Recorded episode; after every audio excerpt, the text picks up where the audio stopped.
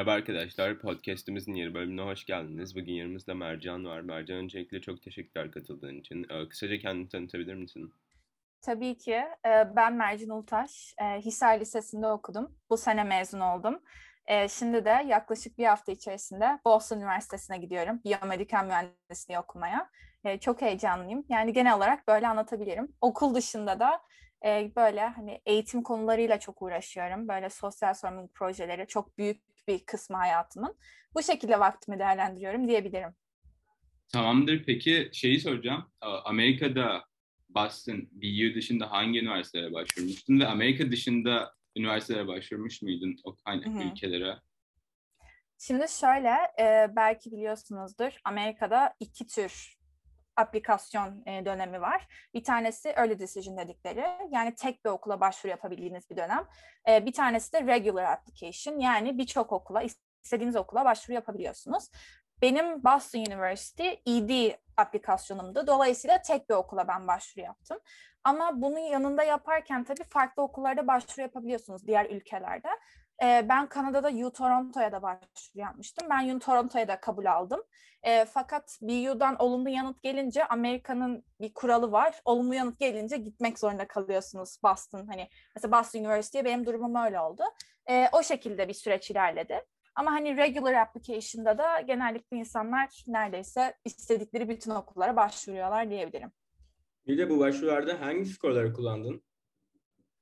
Ee, Güzel soru. Şimdi şöyle, eğer AP denen hani Advanced Placement e, sistemindeyseniz ve bu sınavlara girdiyseniz AP skorlarınızı gönderiyorsunuz.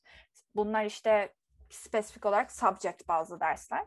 E, TOEFL skorunuzu gönderiyorsunuz ya da IELTS da olabilir bu. Çünkü biz yabancı öğrenci klasmanına girdiğimiz için İngilizce yeterliliğimizi o sınavlar üstünden gösteriyoruz. Bütün üniversiteler bunları zorunlu tutuyor.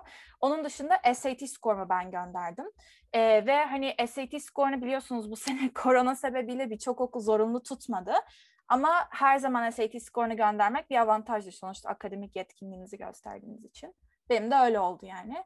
O kadar herhalde kaçırmıyorsam bir şey e, bu üç tane ana skoru söyleyebilirim. Bir de tabii ki şeyinizi gönderiyorsunuz. Okul e, transkriptinizi.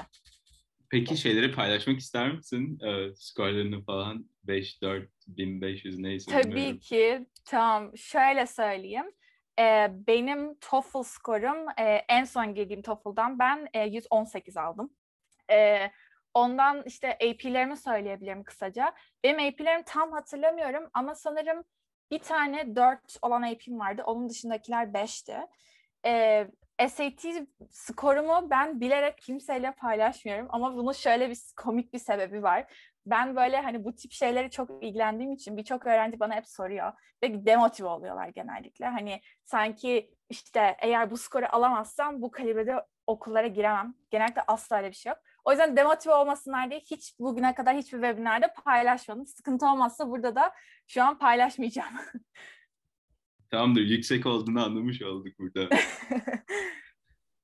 ben bir de şey merak ediyorum. Sosyal sorumluluk projeleriyle ilgilendiğini söyledin. Onları biraz daha anlatabilir misin? Evet, en sevdiğim soru çünkü çok çok aşırı sevdiğim bir şey olduğu için ben çok sosyal sorumluluk projesi yaptım. Dediğim gibi bu arada hani lise bazlı değil, benim hayatımın çok büyük bir parçası sosyal sorumluluk projeleri. E, lise hayatım boyunca ama hani Amerika başvurularıma da gönderdiğim CV'mde onlardan biraz bahsedeyim istedim isterseniz. İşte e, bir çok ciddi bir böyle ders verme olaylarıyla ilgilendim çok uzun bir süre. İşte e, küçük bir grup öğrenciyi e, bu liseye geçiş sınavlarına hazırlamıştım. Uzun bir süre onlara ders verip takip etmiştim. Onun dışında Khan Akademi gibi e, böyle eğitim platformlarında çok uzun süreler çalışmıştım. Çevirmenlik yapmıştım. Oradaki belgeleri işte bütün akademik yazıları düzenlemiştim, Türkçe'ye çevirmiştim. Onun dışında TEGEV'de çalışmıştım. Muhtemelen hayatın en güzel hani dönemlerinden biriydi. TEGEV'de çok eğlenmiştim. Ee, orada da öğrencilere ders veriyordum, küçük çocuklara. Onun dışında yurt dışında ben 11. ilginç bir şekilde şimdi normalde insanlar hani bu projeleri uzun sürelere yayıyorlar ama ben bu yurt dışında da sosyal sorumluluk projelerine Türk biri olarak böyle internationally dahil olabileceğimi bilmiyordum. E, bu da hani dinleyen şu an herkes de bunu umarım hani öğrenmiş olur bu sayede. Hani yurt dışında bir sürü böyle öğrencilerin kurduğu sosyal sorumluluk projeleri oluyor. Çünkü Amerika'da bu volunteering kültürü çok büyük bir şey. Ve o projelere artık böyle internationally açıyorlar. Yani mesela ben bir Türk olarak çok fazla yabancı organizasyonun e, yüksek pozisyonlarında çalıştım onlarla birlikte. O da çok büyük bir kısmıydı benim gönüllülük hayatımın diyebilirim. Şu an aklıma böyle hemen bir şey gelmiyor ama yani genel olarak ders verdim, çevirmenlik yaptım. Genel olarak eğitime çok odaklandım diyebilirim, eğitim eşitliğine. Tamamdır. Benim başka bir sorum var. Mesela okulunda Key Club ya da böyle sosyal sorumluluk projeleri e, verilmeyen okullar olabiliyor. E, öğrenciler bize diyor. E, bunları nasıl bulabilirler? Bir tavsiye verebilir misin böyle, böyle öğrencilere? Bu da süper bir soru. Birçok okulda zaten yok hani böyle şeyler. Evet. Ee, bir en güzel yapacakları şey şu olur. Tabii ki burada hani enerjileri ve gerçekten motivasyonları varsa bir eksiklik gördüğünüz alan varsa burada kendi projenizi başlatabilirsiniz. Çünkü bu leadership, leadership, liderlik olayı Amerika'da çok büyük bir olay ve CV'nizde mutlaka bu özelliğinizi görmek istiyorlar. Dolayısıyla eğer yapabiliyorsanız hiçbir şekilde okul sunmuş mu, dışarıdan bulabilmiş miyim diye değil ama eğer ilgilendiğiniz bir alan varsa burada kendi projelerini kesinlikle başlatmaları onların avantajına olur. Ama diyorlarsa ki yok hani ben bu kadar e, yüksek bir sorumluluk almak istemiyorum. O zaman hani bir sürü organizasyon var. Mesela şu an düşünmeye çalışıyorum. Hem kurumlar var mesela TEGEV'di, Kaçuv'du, işte Khan Akademi'di gibi benim de yer aldığım kurumlar. Bir buralarda görev alabilirler. Tabii ki buradaki görevlerin anlamlı olması çok önemli. Sadece üye oldum, CV'me yazayım asla işe yaramıyor. Gerçekten aktif rol oynamaları gereken e, bir durumdalar. Veya böyle öğrenci organizasyonları oluyor. Mesela işte sizin yaptığınız podcast gibi veya organizasyon gibi e, veya işte bu Generation Z, Z kuşağının bir sürü yaptığı komüniteler, topluluklar var. Oralardan bir sürü proje bulabilirler. Yani araştırma, Instagram inanılmaz güzel bir kaynak bunun için. Instagram'a girip ilgilendikleri alanları yazsınlar. Eminim bir sürü böyle non-profit çıkacaktır karşılarına. Peki şeyi soracağım. Gönüllülük vesaire. Bunun dışında hani staj falan yapmış mıydın lisede? Ben staj yaptım. Ee, şöyle daha doğrusu ben hem çalıştım hem de staj yaptım. Ee, bu stajlardan bir tanesi bir laboratuvardaydı. Ben biyomedikal mühendisliği okumak istediğim için hani biyolojiyle alakalı bir tabii staj yaptım. Bir laboratuvarda e, bu stajı gerçekleştirdim. Çalıştığım şey de çok alakasızdı. Ben iki tane farklı şirkette çalıştım. Bir tanesi şeydi hani Race Consulting diye bir Gen Z Consulting şirketiydi. Yabancı bir şirketti işte şirketlere gidip e, şey veriyorduk. Nasıl Z kuşağını marketing yapabilirsiniz Z kuşağına falan gibi. Bir tane böyle bir sınav e, çalıştırma organ şeyinde şirketinde yer aldım. Bu stajı işte dediğim gibi laboratuvarda yapmıştım. Biyomedikal mühendisliği ok- okuyorum dedin. Bu alanı seçmendeki neden neydi? Ben çocukluğumdan beri biyolojiyi ve böyle mühendisliği çok seviyordum. Yani her şeyi kurcalayıp nasıl çalışıyor falan filan tarzı böyle bir kafa yapım vardı. Tabii biyomedikal mühendisliğin ben ne olduğunu bilmiyordum küçük bir çocuk olarak. Biyolojinin ne olduğunu biliyordum. İşte mühendisliğin ne olduğunu biliyordum. Sonra 11. sınıfa ben 11. sınıfın başına kadar böyle biyomoleküler falan okuyacağımı zannediyordum. Sonra çok ilginç bir şekilde böyle MIT'nin bir Synbio, Sintetik Biyoloji konferansına denk geldim. Yalvar yakar kendimi o konferansa soktum. Tabii PhD öğrencileri, işte ne bileyim inanılmaz profesörler falan var. Ben hani böyle herhalde bir 15 gün rahat insanları arayıp lütfen beni alın falan modundaydım. Aldılar. Ben orada tabii ki o sintetik biyoloji, biyoloji, sintetik biyoloji, işte biyomühendislik, bioengineering, biomedical engineering falan görünce şey oldum böyle bir şey varmış ya hani inanılmaz bir dünya bu ve şey gördüm yani hani mesela nasıl 2000'lerin başında işte bu software development falan acayip hani revaçtaydı ve geleceğin mesleği, geleceğin hani marketiydi. Şimdi bir 10-15 sene bile bence sürmeyecek ama hadi öyle diyelim 10-15 sene de bu biyomedikal, bioengineering, synthetic biology çok önemli bir yer kazanacak. Ve dedim bu geleceğin şeyi. Yani ben de bu şeyin içinde olmak istiyorum. Böyle bir ilginç seçim oldu. Gittiğim okulda açıkçası çok büyük şans oldu bu biyomedikal alanında çok sayılı okullardan biri. Öyle de denk gelince zaten hani e, onun aslında mükemmel bir ortam oluştu yani onu okumam için. Peki yeni soru şey dedin. Hani revaçta biyomedikal mühendisliği. Revaçta hiç olmasa yine bu alanı seçer miydin? bayağı düşüyor şey employment'lar falan. Hmm. Yine Şimdi bu çok tamam bu soruyu çok sevdim. Çok güzel ve şey bir soru oldu. Şimdi şöyle e, benim asıl e, sevdiğim ve böyle zevk aldığım şey spesifik olarak bir bölümden ziyade ben inovasyonu çok seven bir insanım. Yani o inovasyonun da yaşanması için tabii ki o alanın revaçta olması gerekiyor ki insanlar o alana para akıtsın, bir research olsun, bir şeyler üretilsin ve insanlığa sunulsun consumer product olarak. O yüzden hani yine mühendislikten ve biyolojiden çok ayrılmamaya çalışarak ama inovasyona açık ve revaçta olan başka bir şey muhtemelen seçerdim. Ama güzel tarafı ne tabii biyomedikal mühendisliği çok e, böyle ne denir? Biyomedikal mühendisliği de var, sentetik biyoloji de var, işte nanoteknoloji de var. Hani bu çok specialized alanlar olunca bunlar artık bir noktada birbirinin içine geçiyor. O yüzden aslında nereden girdiğiniz çok önemli değil ama o yolda nasıl ilerlediğiniz önemli. O yüzden mesela çok revaçta olmasa bile belki okurdum. İleride ilgimi çeken bir alana tekrar yönelirdim. Ben de şeyi sormak istiyorum. Bu üniversite başvuru sürecinde, Common App yazma sürecinde bayağı kişi zorlanıyor. Sen bu süreci nasıl üstesinden geldin? Şimdi bu Common App sürecinde şöyle bir aslında e, konu oluyor. İşte hem sorunuzu seçmeniz gerekiyor, hem hangi konuyu yazmak istediğiniz, hani çok gerçekten planlamanız lazım. Ben nasıl yapmıştım? Benim okulumun tabii ki bir college counseling yani üniversite danışmanlık e, bölümü vardı. Onlar çok yönlendirdiler sağ olsunlar ama hani onlar olmasa da bu süreç yönetilebilir. Asla o sizi korkutmasın. Hani şöyle düşünün. Amerika'daki birçok çocuk ve yurt dışındaki birçok çocuk bu süreci kendi başlarına yönetiyorlar. Hani o kompleks bir olay değil. Sizin gayet kaldırabileceğiniz komplekste de bir şey. E, ben ne yapmıştım? İşte önce birkaç tane konu vardı aklımda. E, o konuları belirledim. Ondan sonra yaklaşık herhalde 20 tane farklı draft yazdım ben. E, önce kafamda netleşmesi için ne yapmak istiyorum falan diye. Tabii 20 tane draft yazınca şey alıyorsun yani. Ben ne yapayım? Depresyona giriyorsun. İşte ne yapmam lazım falan. Ama sonra artık yavaş yavaş biraz her o draftın üstüne çalışmaya başladıkça o konu aslında şekilleniyor ve o common app sürecini benim atlatmamdaki en büyük herhalde faktör rahat bir şekilde hani atlatmamdaki en büyük faktör ben çok önce başladım. Hani herkese de tek tavsiyem bu. Gerçekten hani 11. sınıf biter bitmez e, kafanızda yavaş yavaş Common App nedir? Ben ne konularda yazabilirim? Ne yapabilirim? Netleşmeli diye düşünüyorum ben. Çünkü bir tek Common App olmuyor. Sonra bir ton supplemental essay de yazıyorsunuz. İşte bir ton yapmanız gereken şey de oluyor. Sıkıştırmayın. Çünkü Common App sizin kişiliğinizi göstereceğiniz ve sizin gerçekten sesinizi bir insan olarak kim olduğunuzu göstereceğiniz tek tek tek e, yazı. O çok kritik bir şey o yüzden onu iyi değerlendirmeniz.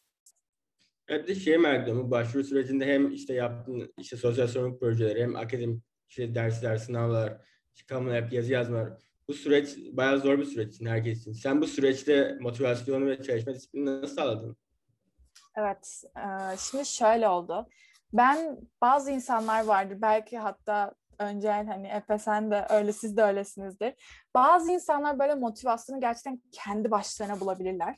Bazıları da bulamaz ve dışarıdan motivasyona ihtiyaç olur. Şimdi ben o ikinci gruptan olanım. Yani gerçekten birinin benim başında durup motive etmesi gerekiyor. Çünkü bir süre sonra kendim ürettiğim motivasyon bana yetmiyor ki Amerika sürecinde bu motivasyon çok büyük bir konu. Yani kafaya takmanız lazım. Ben Amerika'ya gitmek istiyorum o yüzden bu kadar şeye katlanıyorum diye. Hani benim için herhalde o motivasyonun büyük bir kısmı arkadaşlarım oldu. Çünkü arkadaşlarınızı görüyorsunuz. İşte onlar da deli gibi çalışıyorlar. İşte onlarla bir şey yapmaya çalışıyor ve siz aslında o sürecin içine entegre oluyorsunuz bir noktada. Hani onlar yapıyor, ben de yapıyorum, destek oluyorlar. Hani o mindset'in içine giriyorsunuz. Herhalde motivasyon benim için buydu. Bir de şunu hani bilmiyorum ne kadar alakalı olur ama bazı insanlar hani bu süreçte bazı öğrenciler işte ben sadece bu YKS değil bir baştan onu söyleyeyim. Hani böyle oturup gerçekten deli gibi soru çözüp çalışma değil. Bu bir maraton süreci ne yazık ki Amerika başvurusunda. Ve siz eğer ben sporu kestim, ben sosyal medyayı kestim, ben işte arkadaşlarımla çıkıp dolaşmayı kestim falan gibi bir e, kafaya girerseniz bu uzun vadede sizi çok e, yaralayacak ve motivasyonunuzu çok olumsuz etkileyecek bir şey. Ben bu hatayı yaptım, yapmayın diye şu an bütün dinleyenlere de söylüyorum. E, kesinlikle öyle yapmayın. Arada bir dengeyi kurun yoksa motivasyon çok sıkıntı olur. Ben BU'ya geri dönmek istiyorum. BU'ya early decision atmandaki neden neydi? Evet, çok bu feci bir soru. Şimdi şöyle, e, bir kere benim yaptığım ilk şey neydi tabii ki? Bunu da yapmamalısınız. Hani e, her öğrenci yapıyor ve yanlış bir şey bu. Açıp işte dünyadaki en iyi üniversiteler sıralaması. Google'a yazılan herhalde klasik cümle. Veya Amerika'daki en iyi üniversiteler sıralaması. Şimdi bu çok güzel bir cümle, bu kutsal bir cümle. Ama e, bu çok yanlış sizi yönlendirecek ve gerçekten bütün motivasyonunuzu mahvedecek. Sizi e, boşa hani bir strese sokacak e, bir cümle. Çünkü orada çıkan üniversitelerin hani yüzde 99'u 3.1, 4.5 falan e, hani girme e, ratio'larıyla falan karşınıza, percentage'larıyla karşınıza çıkacak. Ve artık hani o kafaya geliyorsanız yanlış yerdesiniz. Şimdi yapmanız gereken şey ne? Ben de böyle yaptım. O şeye varınca tabii onun gerçekliğine varınca. Ben ne okumak istiyorum? Ben biyomedikal mühendisliği okumak istiyorum. Bioengineering okumak istiyorum. İşte Amerika'da okumak istiyorum. Yazdım. İşte Biomedical Engineering'de en iyi top okullar ne? İlk 10'daki listeye baktım. Dedim çok basit bir süreçti yani benim için açıkçası. Hepsinin işte sıralamasına baktım. Dedim hani ben e, çok da çalışkan bir öğrenciydim lisedeyken. O yüzden ilk onda bir yere gidersem iyi olur dedim kendi alanımda. Yoksa değer mi çok Amerika'ya gitmeye falan gibi düşünüyordum. Sonra ilk ondaki yerlere baktım. Hepsini tek tek eledim. Yerden eledim. İşte istediğim eyalette mi? Çünkü Amerika'da çok abidik gubidik eyaletler var. Yani bir yabancı öğrenci olarak gerçekten yaşanmayacak yerler. E, oraları eledim. Ondan sonra böyle çok e, şey gibi ne denir?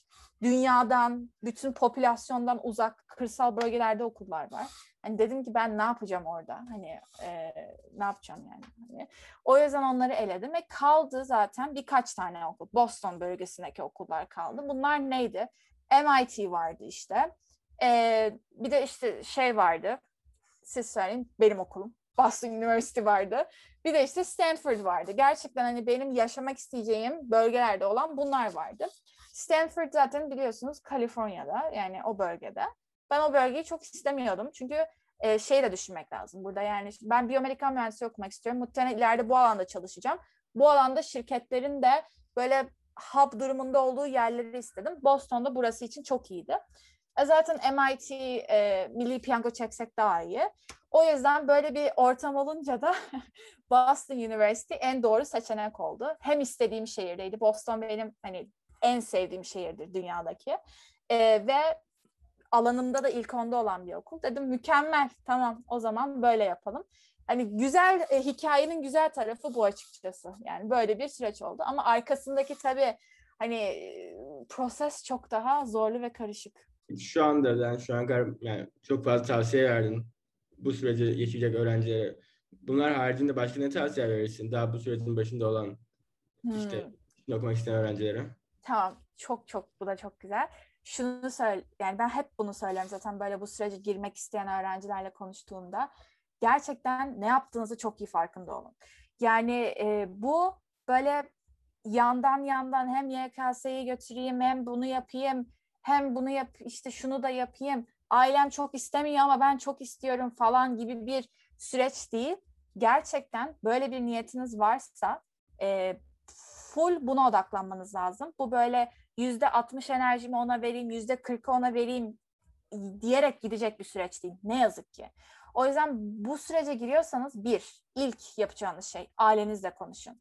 Anne, baba işte veya aile olarak hani e, gördüğünüz insan kimse gidin ona söyleyin deyin bakın ben böyle bir şey yapmak istiyorum biliyorum hani çok riskli bir şey ve burslu okumam lazım ama ben hani bunu yapacak motivasyon bende kesinlikle var ben bu sürece girip denemek istiyorum bu konuşmayı yapın bir kere aileniz size hani destek olmuyorsa veya gerçekten önünüzde duruyorsa çok acı bir gerçek bu ama benim bütün gördüğüm her hikayede yüzde doksan olmuyor. Ailenin desteği veya ailenin en azından birazcık bile ikna edilebilmesi o noktada çok önemli. Eğer destekliyorsa aileniz e, süreci iyi yönetin dediğim gibi. Okuyun, okulları okuyun. Hani ben Harvard'a gireceğim, ben MIT'ye gireceğim, ben Stanford'a gireceğim demeyin. Öyle bir kafada olmayın. O da sizi çok çok çok yorar e, çok büyük canınızı da yakar ileride. Çünkü Hani bakın 100 kişiden 4 tanesi giriyor Harvard dediğimiz okula. Hani o 100 kişiden 4'ün içinde olmanız ne kadar büyük ihtimal, ne kadar büyük hani bilemiyorsunuz. Gerçekten çok büyük bir risk o. O yüzden öyle olmayın. Kendi alanlarınızda iyi okullara gidin. Onları araştırın derim yani. Ben şeyi sormak istiyorum. Common App'te essay'ini ne hakkında yazmıştın? Eğer paylaşmak istersen. Ee, ben bir tane soruyu tam hatırlamıyorum ama söyle yani şeydi hani hayatınızda böyle atlattığınız bir zorluk neydi ve bundan nasıl evet. çıktınız? En klasik zaten Common App sorusu herkesin yazdı. Ben de onu yazdım herkes gibi olduğum için. Ee, şimdi şöyle oldu. Ben çok acayip değişik. Önce benim ilk draftim opera ile alakalıydı. Ben operayı çok ilgiliyim ve çok seviyorum çünkü. Ee, opera ile alakalıydı. Sonra ondan vazgeçtim. Benim gönderdiğim Common App bir koltuk ve lavanta kokusuyla ilgiliydi. Ee, çok absürt bir konu. Ama biliyorsunuz bu Common App'te bu şeydir yani böyle absürt konular. Dikkatini çekeceksin. O kadar önüne yüz binlerce kağıt geliyor. Seninkini niye adam olup okusun gibi bir hani mantığa dönüyor ya. O yüzden koltuk ve lavanta kokusu ile alakalıydı. Hani alemle alakalı bir konuydu.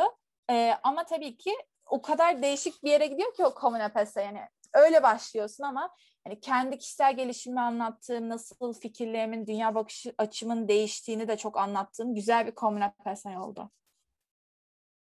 Tamamdır orada yani koltuk ve lavanta kokusu sanırım bir sembol olarak. Sembol. Aynen öyle. Aynen. Yakaladın zaten. Direkt semboldü. yani lavanta kokusu bütün e, Common boyunca devam eden bir semboldü.